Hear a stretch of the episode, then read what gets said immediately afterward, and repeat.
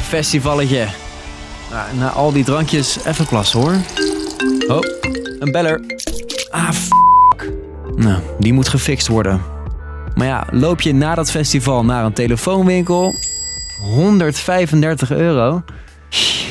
Dan kan ik beter een nieuwe kopen. Tja, je kent het vast. Is een apparaat kapot, dan is het repareren vaak niet makkelijk en ook niet goedkoop. Dat moet anders, vindt de Europese Commissie. En zij komen met een nieuw plan. Ik ben Steve en ik leg je uit wat dat plan is en wat jij daarvan kan gaan merken. Lang verhaal kort. Een podcast van NOS op 3 en 3FM.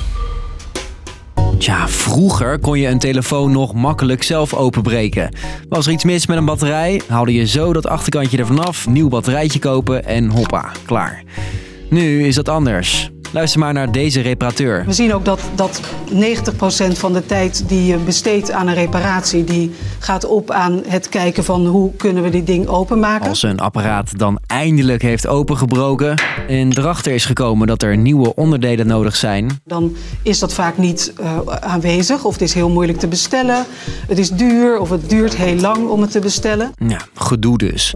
Kan je de makers van de apparaten wat kwalijk nemen? Het is niet zo dat, dat fabrikanten een soort heel groot evil plan hebben om, om eh, eh, producten zo slecht mogelijk te maken. Dat zegt mijn collega Judith van der Hulsbeek van onze klimaatredactie. Maar het is wel zo dat de levensduur van producten in de, hè, in de afgelopen tijd steeds korter is geworden. En dat heeft er voornamelijk mee te maken dat we dingen steeds goedkoper wilden maken. De Lenovo laptop voor maar 319 euro en de Samsung Galaxy J5 voor maar 219 euro. Zo zijn er steeds meer apparaten die amper te repareren zijn. Bijvoorbeeld koffiezetapparaten die gewoon niet te maken zijn. Elektrische tandenborstels die je met geen mogelijkheid open krijgt. En natuurlijk ook laptops en mobiele telefoons. Hè, waar je als consument of onafhankelijke reparateur helemaal niet inkomt. Omdat er speciale schroefjes voor nodig zijn en dat soort dingen. Gevolg een mega kerkhof aan kapotte apparaten.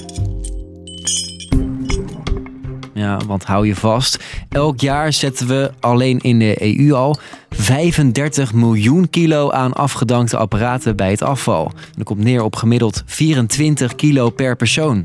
Hoppatee. In 1995 was dat nog maar 10 kilo. Meer dan een verdubbeling dus. Daarom moet er wat veranderen, zeggen veel mensen. Er moet een right to repair komen.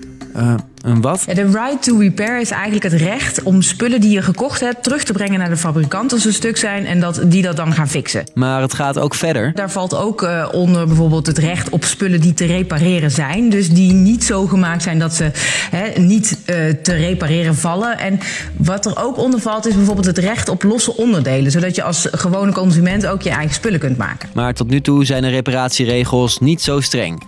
Stel, je koopt ergens in de EU, laten we zeggen, een tosti-apparaat. Maar na twee maanden tosti's bakken, kapt hij er opeens mee.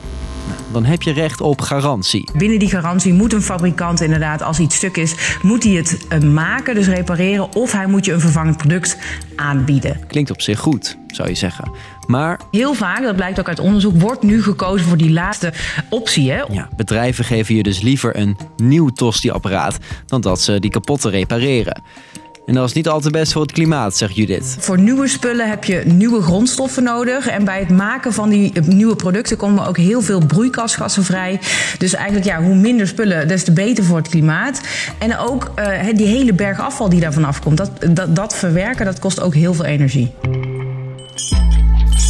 Om ervoor te zorgen dat de afvalberg kleiner wordt, werken ze in Brussel nu aan nieuwe reparatieregels. Bedrijven moeten eerst goed kijken of dat tosti-apparaat van jou te fixen valt, voordat ze een nieuwe sturen. En als dat dan uiteindelijk een, een goedkoper alternatief is dan een nieuwe te sturen, of een gelijkwaardig eh, qua prijs, dan moeten ze dus voor die reparatie gaan. Dat zegt Rut Mugge. Zij is een hoogleraar die onderzoek doet naar hoe we met kapotte apparaten omgaan.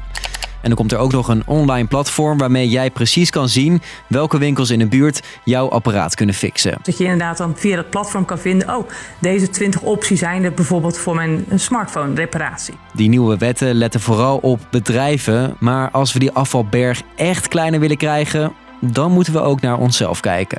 Je hoort mijn collega Judith weer. We doen er eigenlijk ook niet veel moeite voor. Het blijkt zelfs dat in 60% van de gevallen als iets stuk is, dat we reparatie niet eens overwegen.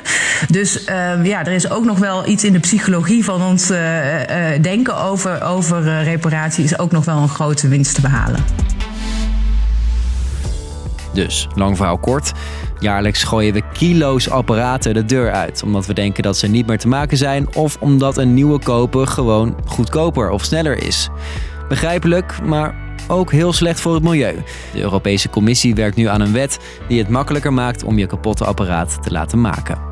Dat was hem voor vandaag. Morgen fixen wij een gloednieuwe aflevering. En je mag natuurlijk ook al onze vorige 535 podcasts hergebruiken. Joe. Zo. Hey jongens, is die tosti klaar inmiddels?